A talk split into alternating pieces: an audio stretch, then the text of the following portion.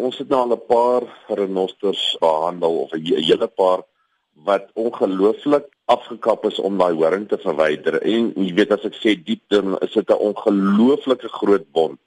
Byvoorbeeld die renoster wat ons besig is in die Oos-Kaap om te behandel, toe ons by kom haar wond was 'n halwe meter by 40 cm breed. So dis 'n massiewe wond.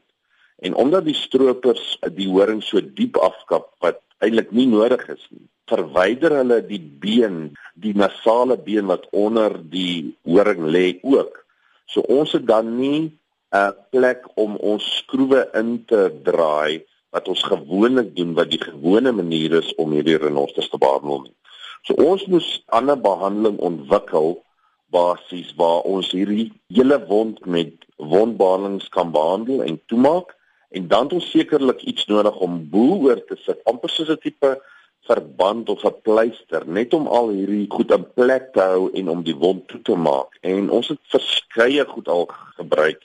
Die probleem is ons soek iets wat baie sterk is, maar wat liggewig is, maar wat ook baie maklik kan buig want hierdie wonde is nie almal plat wonde nie. Eerstens en tweedens moet ons dit oor die renoster se kop sit, dit veral aan kante So hierdie produk moet kan buig, jy weet laat ons hom kan vaswerk met dik draad, jy weet dik ortopediese draad.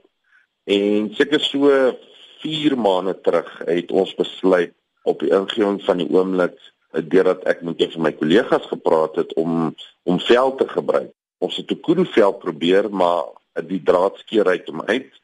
Toe ons gekyk na seekoeivel, maar dit was net ongelooflik, jy weet hopeloos te dik. En toe het ons olifantvel probeer en jy weet tot dusver ons seker nou al so 4 behandelings gedoen. En dit werk ongelooflik goed. Dit werk baie goed omdat die jy weet die vel baie sterk is. Hy kan buig. Jy weet dis nou gelooide leer waarvan ons basies praat. Plus jou steke skeer nie uit die vel uit Johannes het gestorwe olifante wie se velle jy gebruik of hoe Ja, so dit is olifante wat maar basies van natuurlike oorsake dood is dat ons die vel dan gebruik en ons vat dit na 'n taksidermie toe. Hulle sal dit vir ons looi en vir ons redelik uitrol. Jy weet dit amper soos 'n stuk leer is, maar wat redelik uh, jy weet sag is en dan gebruik ons hierdie vel dan op die gesigte van die renosters.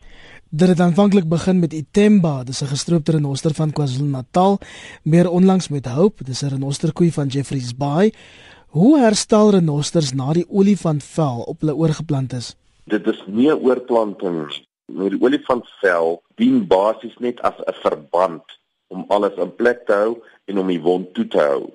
So hierdie renosters omdat dit sulke ongelooflike groot wonde is en baie diep wonde is, weet Itemba en hou wat jy genoem het, hierdie renosters sal seker so tussen 12 en 16 maande vat om heeltemal te genees as ons hulle elke maand behandel waar die ander wat baie vlakker afgekap is die horings en verwyder is vat in die omgewing van so 9 maande om te genees.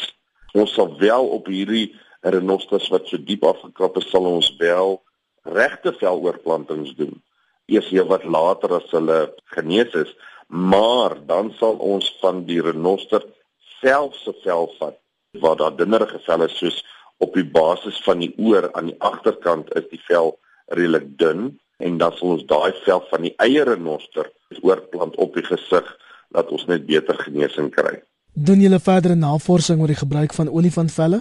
Op die oomblik nie. So op die oomblik doen ons redelik aan 'n baie diep navorsing op die anatomie van die kop, op die anatomie van die bene omdat ons baie geweerskoot wonde kry. En jy weet jy sal verbaas wees ons verloor nou kom ons sê 1200 1300 renosters in 'n jaar. En daar is geen data wat gepubliseer is byvoorbeeld op die anatomie van 'n renoster se been op sy kop watter tipe antibiotika moet gebruik word hoeveel antibiotika watter tipe pynstillers moet jy moet ons gebruik. Geen van daai data is beskikbaar nie. So ons is eintlik verskriklik ver agter.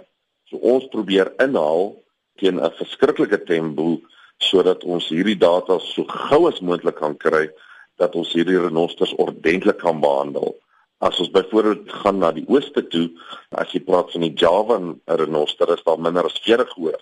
So as net een van daai renosters gestroop word, is dit baie baie belangrik om daai renoster suksesvol te behandel.